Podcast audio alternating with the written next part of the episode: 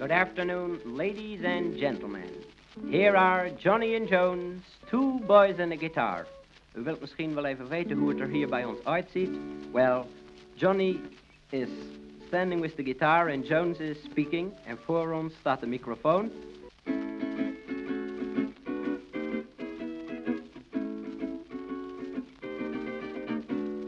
Johnny and Jones are singing a crazy song for you.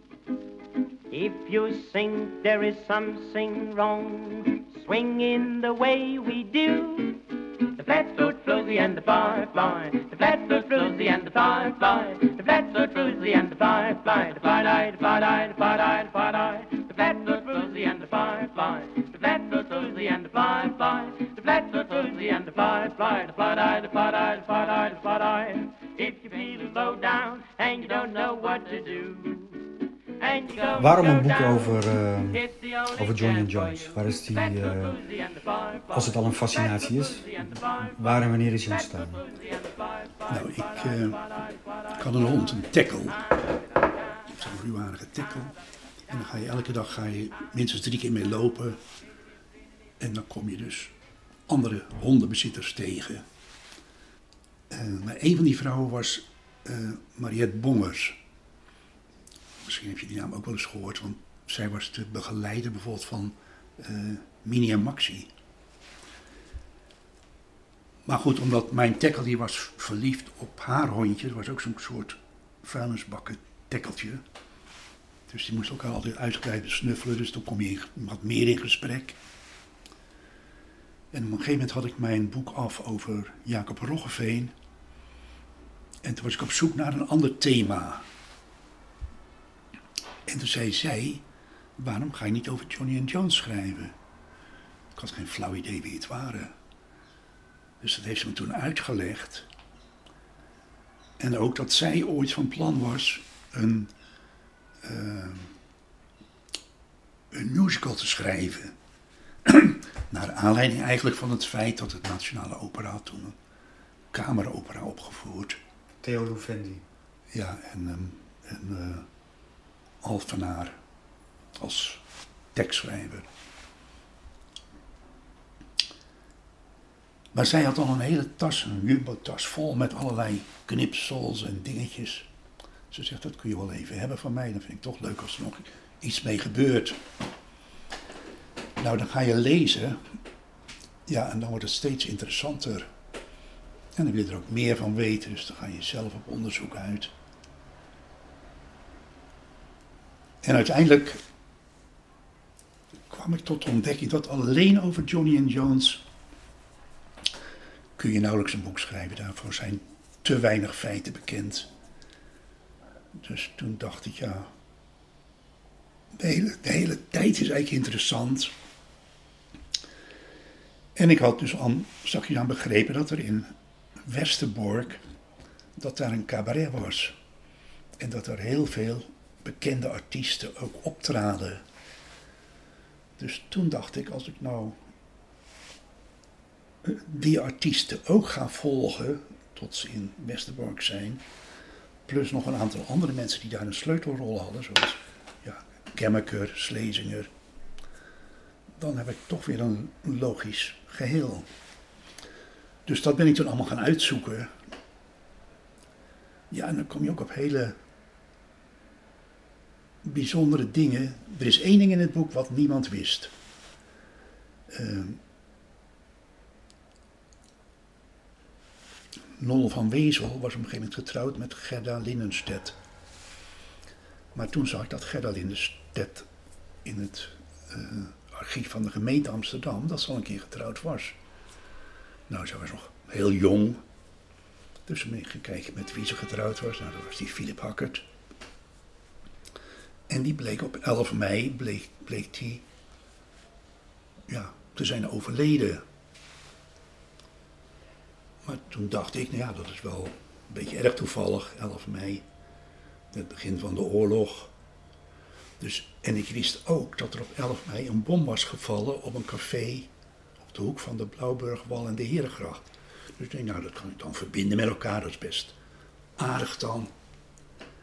Tot ik een aantal maanden later langs de Blauwburgwal liep.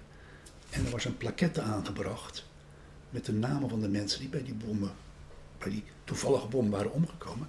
En daar stond Philip Hackert bij. Was je gevoel klopte dus? Ja. En dat was natuurlijk wel een aardige idee. En ik heb ook met een paar mensen van het uh, Joods Cultureel Centrum, weet Joods Kenniscentrum heet dat geloof in contact gekomen. En die hebben het weer doorgegeven aan het Joods Monument. En die wisten dat ook niet. Die dachten dat hij ja, ergens aan gestorven... Nee, die dachten dat hij zelfmoord had gepleegd. Want dat gebeurde in die tijd natuurlijk veel. Dus dat hebben ze ook nu veranderd. Dus. Maar wat was voor jou, zeg maar, de, de, uh, wat is voor jou de essentie, de schoonheid van het verhaal? Je zegt dat ik, ik kon niet een heel boek om, om het duo heen bouwen, maar toch heb je ervoor gekozen om hen als, als leidraad in je, in je roman uh, te gebruiken. Ja. Wat, wat, is de schoonheid van het verhaal? Of de, de, de ja. misschien gebruik ik wel een verkeerd woord. Ja, omdat de trigger. Ja. Die hele oorlogstijd is natuurlijk een, een, een tijd die, naar mijn gevoel, vaak niet goed beschreven is. Het zijn of de, de slechte of het zijn de goede. Maar ik wilde eigenlijk in het boek duidelijk maken dat ja, die grens tussen goed en slecht heel dun was.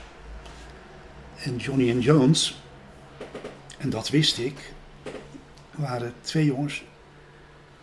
Noel van Wezel, die Johnny, die was volgens alles wat ik gezien heb een redelijk intelligente jongen die veel dacht.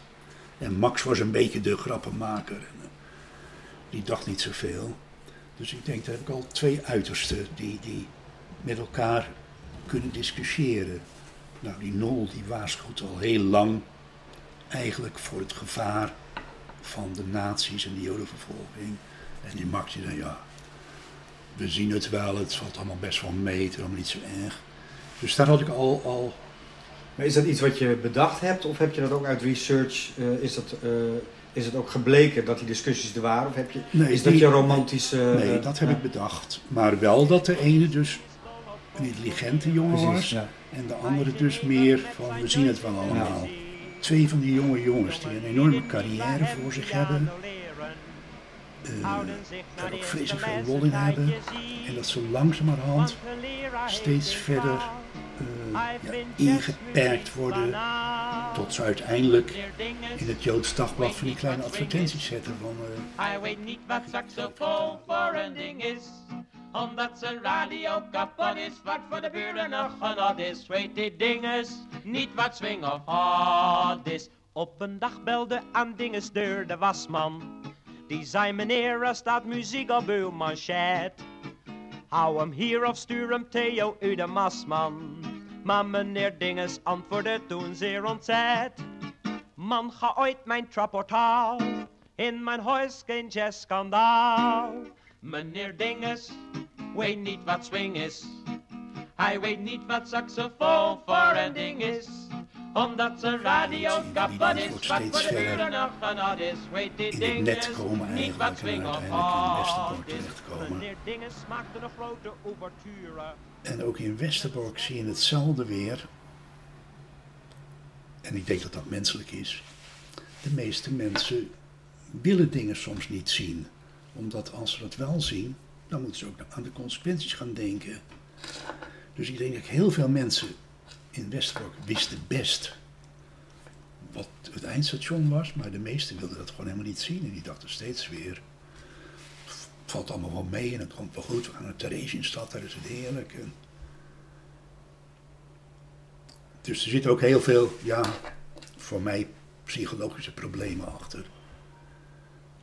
Niet dat ik zo'n zo'n graver ben in, uh, in de psyche van de mens, maar. Ja, en nog een ander ding was dat ik toch wel ook weer parallellen zie met op dit moment. Uh, ik heb dat in het boek misschien hier en daar wat aangeduid. Zeker. Dat viel mij erg op. Ja? Ja, ook uh, zelfs nog op de laatste bladzijde. Dat je eigenlijk uh, ze na, aan de toekomst laat denken van gaat dit ooit nog nou ja, gebeuren? Ja, en dat is dus wat ik... Ja, ik heb geen boodschap natuurlijk, maar ik wilde ook geen echte boodschap geven, maar ik wilde wel dat mensen misschien toch een beetje gaan denken als ze zoiets lezen. En misschien inderdaad die, die stap zetten en zeggen, ja, zou het inderdaad opnieuw kunnen gebeuren en daarover na gaan denken. Mijn baas heet Baya en ik werk me naar. We halen stukken vliegtuig uit elkaar. Maar we zijn heel gauw met werken klaar. Want we slopen met muziek. Begrijp je? Een groepenleiderkat die vindt het fijn. Om groepenleider over ons te zijn. De productie gaat in stijgende lijn, want we slopen met muziek. Bij Braune, Hopman en Kat zitten heel vaak in de rat met een moeilijk mechaniek. Maar wij slopen met muziek. Stuk geroest of vastgesoldeerd, wordt door ons gedemonteerd. We beheersen de techniek, want wij slopen met muziek. Als je dus leest over dat bezoek in Amsterdam, dan zeggen de meesten, ja, ze waren met een sloopklus bezig en zijn toen even naar Amsterdam gegaan. Nou, ik denk niet dat dat zo geweest kan zijn. Ik, want uh, zo avontuurlijk waren die jongens niet en je maakt geen schijn van kans natuurlijk als je ergens in een klus bent en je gaat zomaar twee dagen naar Amsterdam. Dat, uh, ik heb altijd begrepen dat ze inderdaad om die vliegtuigonderdelen die moesten van Westerbork naar Amsterdam om verscheept te worden. mm. En zij werden gewoon meegenomen om te helpen sjouwen en dergelijke. Mm. En die kregen toen twee uur eigenlijk een soort van verlof van nou gaan jullie maar iets voor jezelf doen. Ja. En je, jullie vrouwen zijn achtergebleven, dus kom terug, want anders gaan ze eraan. Ja. Ja, het lijkt mij onwaarschijnlijk. Maar hoe, nee, dat, natuurlijk, maar dat is, uh, want dat is ook een aanname. Maar ik ben benieuwd hoe jij tot jou, uh, vertel eens eventjes voor de luisteraar hoe, uh, wat jouw visie is op die gebeurtenis en waar je dat op baseert. Ik baseer het op logica. Ze zitten in Westerbork. Ze gaan naar Amsterdam. Ze hebben een jodenster op, dat is zeker. Want ze zijn ook. Uh, ik zit even te denken, hoe heet hij nou? Frans, Frans. Nou, ze zijn iemand tegengekomen, dat is gedocumenteerd. Frans Niehuis, ja. Ze hadden toen de Jodenster op. Want ook die Frans Niehuis die was benieuwd hoe dat kon, dat ze met een Jodenster door Amsterdam liepen. Op een tijd dat, dat dus Amsterdam, volgens de Duitsers, jodenvrij was. Dus het lijkt mij zeer onwaarschijnlijk dat ze dus zomaar naar Amsterdam gingen. Om wat voor reden dan ook. En zeker dat ze zomaar door de stad konden lopen en uh, nou ja, die opnames konden maken. Dat zal ook niet in een half uurtje geweest zijn. Dus mij lijkt het veel meer waarschijnlijk dat ze daar toestemming voor hadden. Als je naar Gemmeke kijkt. Gemmeke was volgens mij een hele intelligente man. Die, naar mijn gevoel, de bui al zag hangen toen. Dat Duitsland het waarschijnlijk niet zou redden. En, en hij was een opportunist. Dus hij heeft alle mogelijke moeite gedaan om zich straks schoon te wassen. Hij heeft een film laten maken. De enige film die überhaupt bestaat van een kamp. Nou, waarom zou zo'n man dat doen? Die wilde voor zichzelf laten zien dat hij helemaal niet zo slecht was en dat hij erin tevreden was. Ik denk dat hij ook Johnny en Jones daarvoor gebruikt heeft. Om een aantal opnames te maken en ook kon laten horen. En ze hebben ook een paar liedjes speciaal daarvoor gemaakt, de Westerbork Serenade. Uh, ik ben bij Karel Alphenaar geweest, die die tekst voor die opera schreef. En die begreep niet dat ze zo'n slijmerig liedje hadden kunnen maken. Ja, ik zelf denk dat ze dat met opzet hebben gedaan. Want uh, ook Kemmeke zal heus die liedjes van tevoren wel hebben gezien. Dus jij denkt dat ze vanuit een soort van opportunistische PR-campagne van van Gemmeker, Ja, dat hij ze gewoon naar Amsterdam heeft gestuurd, gewoon Oh, doelgericht om liedjes op te nemen. ja, Dat het niet bij toeval is ontstaan. nee, nee. En ook die, die, ja. Het is ook gedocumenteerd dat hij. Ja, ik weet ook niet precies hoe je dat met de oude grammofoonplaten noemt, maar je hebt zo'n soort masterpatrijs. Die is nooit teruggevonden. Dus heel goed mogelijk dat die jongens dat meegenomen naar Westerbork en dat aan Kemmeker hebben moeten geven. Dus ik zeg niet dat het zo gegaan is, maar ik denk dat dat het meest logisch is. Ik denk elke andere oplossing ja, is niet echt logisch. Maar ook niet dat zij eh, eh, als soort van, nou ja, eh, eh, showers voor het vuile werk meegenomen zijn om die Ik, vliegtuig ik, te delen. ik denk het niet, want dat kamp lag aan een kanaal. Het Oranje kanaal heet dat geloof ik, ik weet niet precies. Dus transportmiddelen waren daar. Ze hadden met de boot kunnen gaan, dus waarom zouden ze met dat transport met een trein kennelijk eerst naar Amsterdam gaan, daar op een schip gaan laden. Eh, in die tijd weet ik niet of de Duitsers nog veel schepen hadden.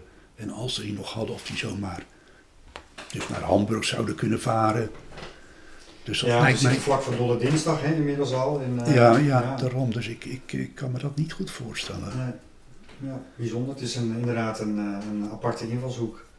Een andere eh, bijzondere keuze ehm, vond ik, hè, je, je legde net al uit dat je de, de roman heeft, op, op, op hebt gebouwd, zeg maar, door verschillende lijnen samen te laten komen in Westerbork. Dus dan heb je de, de, nou, het, eh, Johnny and Jones, maar ook Ja. De kampcommandant, Max Ehrlich, de, Ja. de, de grote man van het cabaret. Daar heb ik straks nog een vraag over. Mhm.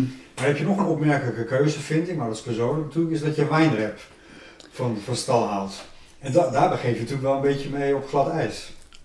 Ik weet niet of het glad ijs is, want ik heb ook over wijnrep geen mening gegeven. Ik weet dat er een discussie geweest is Ja. tussen Hermans en, eh weet die, eh, Ja, verschillende. Eh, Ruben, Rubenstein. Rubinstein, ja. Ja, Renate Rubinstein. Ja. de een gelooft er wel in, de andere gelooft er niet in. Maar ik Ja, ben en er voor de eigenlijk... luisteraar, je hebt, uh, wijnrep eh, eh, zou heel veel joden hebben geholpen, alleen eh, eh, er zijn ook mensen die zeggen van hij, hij gebruikte dat eigenlijk om, eh, om zelf nou allerlei vrouwen te misbruiken en om zichzelf een beetje vrij te pleiten. Het was eigenlijk een fantast. Ja, Dus de een vindt hem een held en de ander vindt hem een fantast. ja. Nou, ik kwam wijnrep, ook bij mijn research kwam ik steeds die wijnreplijst ook tegen. Ik moet eerlijk zeggen, ik wist niet wie wijnrep was. Toen ben ik gaan zoeken. Ik kwam hem weer tegen bij Presser. Presser heeft twee maar zulke dikke Ja. pillen geschreven. Helemaal doorgespit. En Presser was dus, die geloofde wel in wijnrep. Eh, maar op een gegeven moment dacht ik, hoe dan ook, of het wel of niet waar was. Ik had over die discussie gehoord. Eh, ik had gehoord dat, hij ook, dat er ook processen tegen hem geweest zijn. Dus dat hij een soort dubbelrol gespeeld heeft, zou best kunnen. Ik weet het niet. Maar wat ik wel interessant vond, het hele verhaal als zodanig. Hoe één man, en ik heb ook zijn boek gelezen, wat hij zelf geschreven heeft. Ik heb nog een ander boek gelezen van iemand die hem verdedigt en iemand die hem aanvalt. Maar het is natuurlijk interessant te zien, eh, het verhaal als zodanig en, en hoe dat allemaal gelopen zou zijn volgens zijn beschrijving. En dat is een soort, ja, een soort, eh, nou ik wil niet zeggen Don Quixote, maar, maar hoe die dus de Duitse bureaucratie gebruikt om ja, zijn doel door te zetten, vond ik op zich ook een geweldig goed idee. Ik, ik ken Duitsland eigenlijk best goed. Ik heb mijn vrouw was Duits, ik heb daar lang gewoond. En ik kon me dat heel goed voorstellen. Want Duitsland is ook een, ja, een bureaucratisch land, was het toen, is het nog steeds. En ik kan me voorstellen dat zoiets gebeurd zou kunnen zijn. En ik zie het ook dan, maar ik heb dat niet expliciet gezegd, toch als een soort, ook een soort, ja, eenmansverzet. Ja, op mij komt hij, eh, zeg maar, als ik jouw boek lees, komt hij op mij over als een soort naïveling die zich toch enorm in de nesten werkt op een gegeven moment en, en eh, eh, de dingen ook niet waar kan maken met zijn lijst en toch wel, nou ja. Ja, maar ja, ook, ook dat zou, zou kunnen gebeuren. Je, je rolt ergens in en op een gegeven moment weet je niet meer hoe je eruit moet komen. ja, Dus je hebt zelf iets opgebouwd. Ja. En hij wist natuurlijk, althans volgens het verhaal met die, die verzonnen Duitse generaal. Nou, ik kan me voorstellen, dat werkt een tijdje. Want de Duitsers, eh, als er eentje iets hoger is, ja, ja, dan wordt er gehoorzaamd. Dus, dus hij had een generaal had hij en hij heeft er ja, een mooi briefpapier laten maken. En, dat, dat heeft de hele tijd gewerkt. ja. En dan, wat ik ook wel interessant vond, als de Duitsers er dan achter komen, geloven ze het gewoon niet dat dat mogelijk zou kunnen zijn. Dus die gaan weer andere redenen verzinnen waar hij weer op inspreekt. Ja. Ik weet het ook niet, maar als verhaal vond ik het best goed. En, en ja, ook wel een klein beetje. Want in, in het boek komt ook dat stuk over meester Visser voor. Eh, en je kunt je afvragen waarom in Nederland in die tijd ook het hele ambtenaarapparaat geen zand in de, in de machine heeft gestrooid. Wat naar mijn gevoel best had gekund. Nou, sterker nog, eh, we krijgen de laatste tijd natuurlijk steeds meer inzichten dat ze zelfs proactief eh, toch hebben meegewerkt. Ja, ja. En niet uit antisemitisme, maar gewoon puur uit een soort van, Ja, ambtenarendom. Ja. en een- van we hebben een systeem dat moet Ja. draaien en Ja. ja. nu eh, ook met een andere macht hebben. Ja. Dus in die zin is natuurlijk in dit geval is het verhaal van Wijnarep is een soort tegenhanger. Het had wel gekund, alleen niemand heeft het gedaan. Ja. Hetzelfde met de, ja, eh, met de Joodse Raad. Ze hadden misschien de beste bedoelingen, maar als je goede bedoelingen hebt, wil nog niet zeggen dat het ook goed is wat je doet. En ja, daar kun je ook dus weer afvragen. Dus het is. Hoe langer je daarin graaft, eh, hoe moeilijker het wordt aan de ene kant. Aan de andere kant, kijk, direct na de oorlog was iedereen in het verzet geweest en weet ik wat allemaal. Maar ja, dat was natuurlijk ook niet zo. De meesten zijn gewoon netjes meegelopen en, en sommigen hebben zich verzet. Eh, ja, ik, ik, vind, ik vond het heel moeilijk, maar ik kwam steeds meer tot de ontdekking inderdaad dat je geen goed of kwaad hebt in zo'n oorlog. Iedereen probeert het hoofd boven water te houden, op welke manier dan ook. En dat zie je zelfs bij Gemmeke, die, ja, die is als de dood dat hij zijn werk niet goed doet en dat hij straks naar het oostfront moet. Ja, iedereen heeft zijn persoonlijk belang uiteindelijk. Ja, ja, ja. Dat is overleven. Ja, en er zijn maar heel weinig die, eh, die zich echt inzetten en hun eigen belang opzij schuiven. Ja, ja het is natuurlijk, eh, ja, het- daar, daar valt niet over te oordelen. Het is natuurlijk ook, het, is zelfs nu met alle kennis die we nu hebben, blijft het onvoorstelbaar wat er gebeurd is. Laat staan als je er middenin zit. Ja, Maar als je Etty Hillesen bijvoorbeeld leest, daar merk je, kom je een heel andere sfeer Ja, in Westerbork tegen. Toch niet dat mensen naïef zijn, maar dat er wel degelijk een enorme doodsangst heerst en een soort fatalisme ook. En, en eh, mhm. dat men wel degelijk wist van, nou ja, het kan nooit goed aflopen waar we naartoe Nee. gaan. maar ja, ik, ik begin met opzet met ehm, het boek van eh, onze vriend Adolf Hitler, Mijn Kampf. Ik denk als wat meer mensen zich de moeite hadden genomen dat boek te lezen, daarover na te denken. Ja, je refereert aan het begin van je boek, waarin eigenlijk eh, eh, Johnny en Jones discussiëren over het boek. Ja, ja, Nol, de bedachtzame Nol heeft het boek gelezen. ja, En, en eh, zegt van nou, dat, dat, eh, heb je het gelezen Max? Want eh, ja, er is van alles aan de hand. ja. Ja. En dat was natuurlijk niet alleen typisch voor Max, maar ik denk voor de meesten. Zelfs in de politiek. eh, men dacht steeds maar weer, het zal al meevallen. Hij, hij roept dat wel, hij zegt dat wel, hij schrijft dat wel, maar dat bedoelt hij toch niet zo. Dat kan hij zo niet bedoelen. Maar is jouw bedoeling geweest als schrijver om echt de personen tot leven te brengen? Of zijn zij, uh, zeg maar, gebruik je ze als, als pionnetjes om uh, het, het, het gekke spel van de Tweede Wereldoorlog en de bezetting en het nationaal socialisme in beeld te brengen? Met allerlei, hè, dus, dus iedereen vertolkt eigenlijk een facet van het denken. Dus je hebt de, de, de wijnrap, de, de, de, de opportunistische ja, ja. overlever, Gemmeker weer de, de, de foute opportunist. Uh, uh, Max, Slezingen, die... Precies. Die, Max de lichtzinnige, ja. Nol de, de, de, de, de, nou ja, de bedachtzame en de angstige. Ja, maar ik heb wel... Mijn, mijn intentie was ja, Johnny en Jones toch ja, uit de vergetelheid te, ra te halen en erover te schrijven. Maar ja, ik had steeds mijn kamer vol. Want ik hou van hyacinten, ook met rozen ben ik blij. Maar de mooiste bloem uit de lava, dat ben jij. Ik hou van mooie planten, ik heb een hele rij. Maar de mooiste plant uit de lava, dat ben jij. Er komen heel veel klanten, die dringen om je heen. Ze komen voor de bloemen, maar ik voor jou alleen. Waar zag men mooie bloemen, dan op de Drentse hei. Met de mooiste bloem uit de lava, dat ben jij. Met de mooiste bloem uit de lava, dat ben jij. Ik heb hier in het kamp ook een tuintje gemaakt.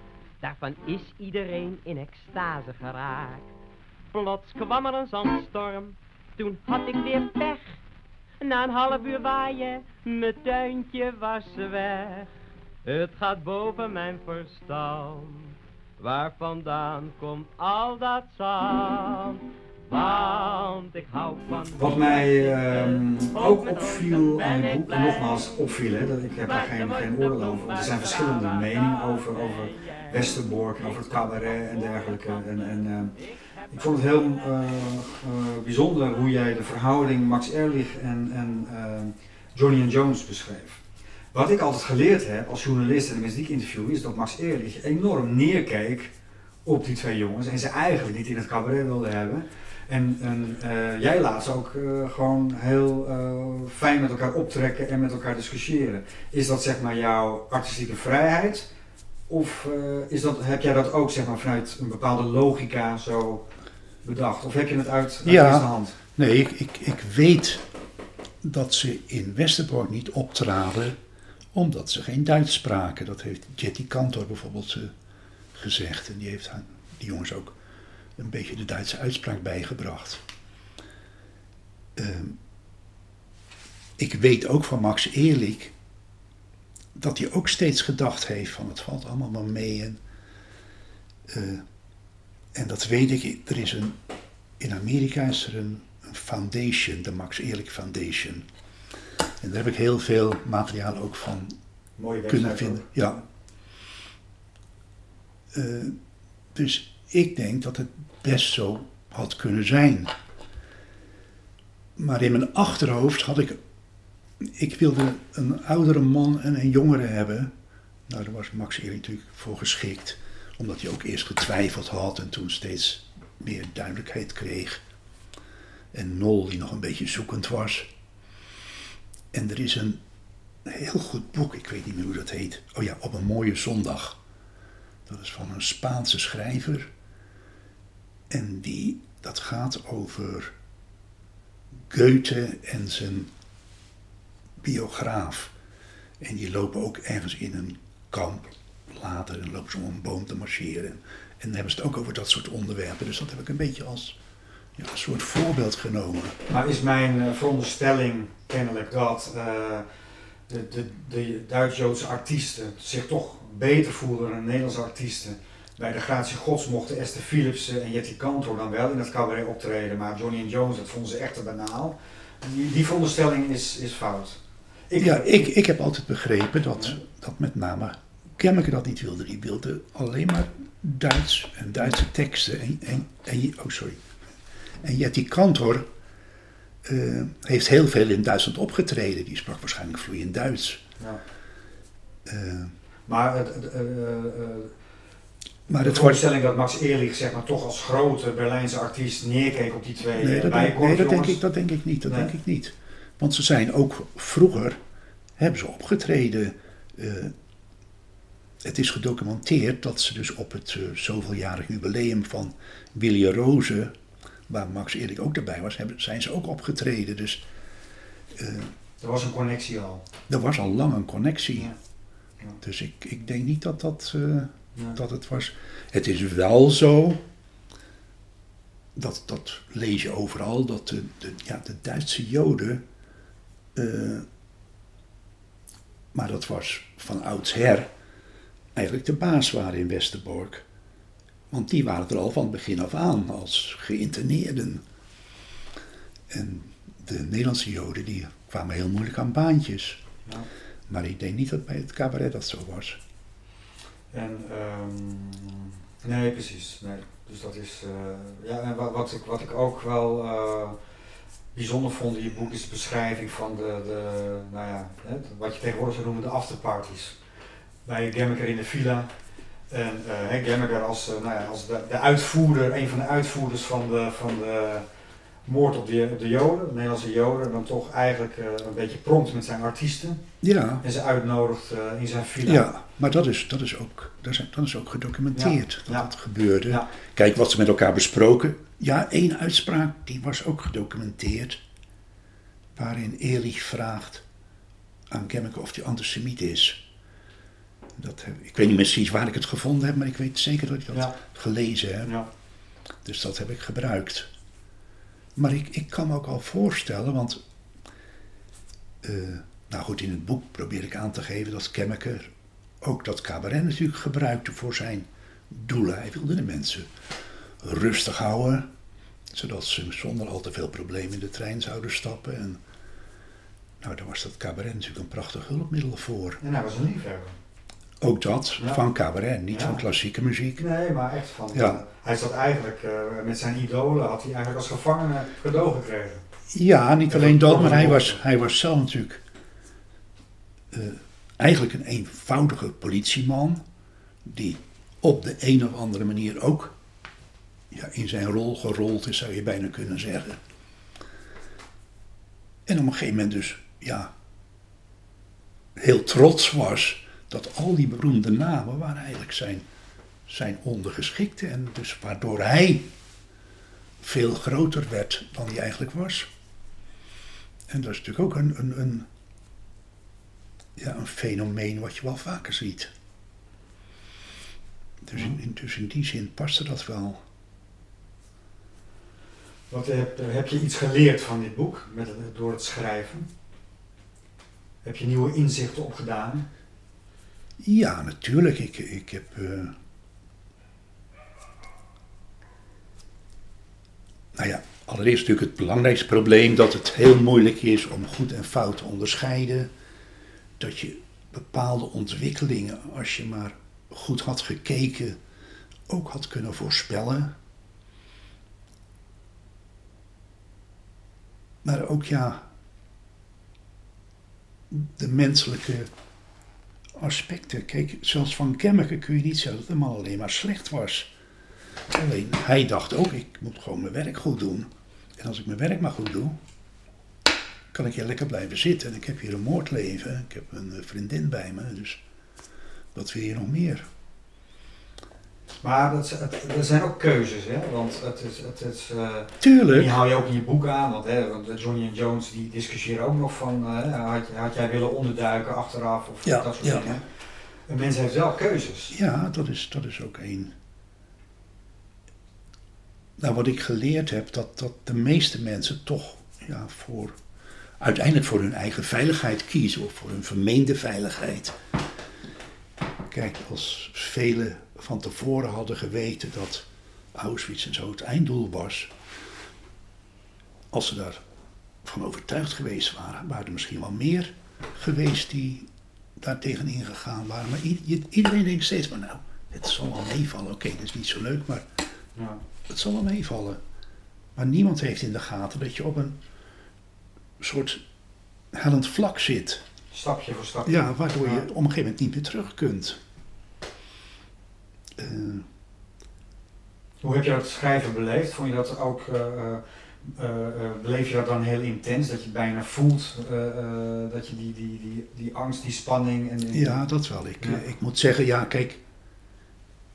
Ze hebben ooit een keer in een interview met Harry Mulisch, en daar wil ik me niet mee vergelijken, gevraagd van, maar welke boeken lees jij dan? Zei Harry Mulisch, ik lees geen boeken, ik schrijf boeken. En dat vond ik een grappige opmerking, maar nu begrijp ik het pas, want als je zelf met een boek bezig bent, heb je gewoon geen tijd om iets anders te lezen. Eh, je zit natuurlijk niet de hele dag te schrijven, maar het speelt wel voortdurend in je hoofd. En, en, ja, soms schrijf op een dag maar één bladzijde, maar, maar je bent er wel de godganse dag mee bezig. En ik heb wel geprobeerd me dus steeds weer in te leven in de verschillende figuren. En eh, ja, je zou bij- bijna kunnen zeggen, Johnny en Jones zijn me ergens lief geworden. Heel vreemd. Nou, is toch niet vreemd? Ja, ik weet het niet, maar... Het zijn eh, aansprekelijke eh, figuren. En, en nou ja, de, titel van het boek die, die is daar heel duidelijk over. Van tienidolen tot natieslachtoffer. Ja, eigenlijk eh, eh, onbewust eh, slachtoffer geworden van een internationaal spel waar ze geen part nog deel aan hebben. Nee, nee, nee. En, ja. Ja, een soort, soort die ene, die Joodse dame schreef, een soort collectieve gekte had ze het over. Ja. Zo beschreef ze het nazidom. En dat denk ik ook wel eens. eh, die mensen in Duitsland in die tijd, dat waren per definitie dezelfde mensen als de Duitsers nu. En dan kun je ook weer afvragen, hoe is het dan in godsnaam mogelijk? Nou, er is maar één mogelijkheid. Dat de heersende mening zo ver wordt beïnvloed en mensen uiteindelijk, want er was natuurlijk ook veel propaganda. Goebbels had propagandaministerie. Nou, ik denk, daarom denk ik dat het weer kan gebeuren. Dus kennelijk kun je een heel volk zo manipuleren dat het grootste deel het gelooft. En de rest op een gegeven moment denkt, ja, laat ik mijn bek maar houden, want anders dan schaad ik mezelf. Maar goed, je moet het boek ook weer niet al te zeer eh, psychologisch eh, zien. Ik heb het gewoon ook weer als toch wel een, gewoon een aantal interessante verhalen gezien. Ja. En wat, wat, wat moet er gebeuren om, eh, om Johnny and Jones, nou ja, dan, dan heb je dit boek en, en eh, af en toe eh, een opera of een plaat of een, of een boek, af en toe worden ze weer aan, aan de vergetelheid ontrokken. Verdienen ze het om, om, nou ja, om herinnerd te blijven? Ik denk het wel, heel zeker. Het, het, is een, ja, het is een heel menselijk voorbeeld wat er in die tijd gebeurd is. En, en ook hoe het zou kunnen gebeuren. En, en ja, het waren ook wat dat betreft professionals. Als je die liedjes hoort, die zijn echt goed.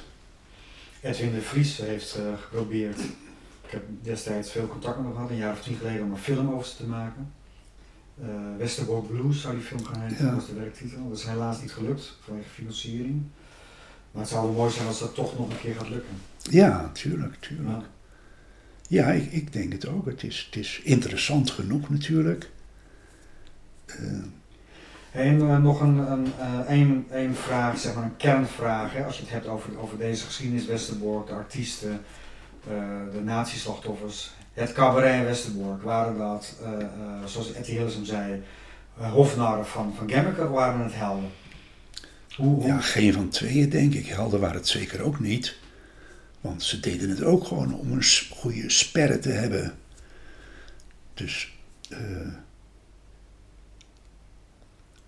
Maar aan de andere kant zou je ook kunnen zeggen: ja, als jij een bepaald beroep hebt, zoals zij alle hadden, en je kunt het daar uitleven, en je krijgt ook nog een goede sperre, dan doe je dat. Ik denk niet dat er veel artiesten geweest zouden zijn die gezegd hebben: nee, ik doe er niet mee. Ze hebben allemaal natuurlijk ook daar weer meegedaan. En, eh, ja, kennelijk in Auschwitz was kennelijk ook een cabaret. Dat gebeurde ook. Dus je, nee, dat kan ik wel begrijpen. Alleen, en ik denk ook wel dat ze wisten dat ze gemanipuleerd werden, natuurlijk. Want kijk, als jij speciaal die optredens zijn op de dinsdag, dat s morgens het transport is, ja, dan weet je waarschijnlijk ook wel dat dat niet helemaal klopt. Maar dat kun je ook weer ja, verdringen, die waarheid. En je doet je vak weer, dus het was ook een overlevingsstrategie, denk ik. Ja.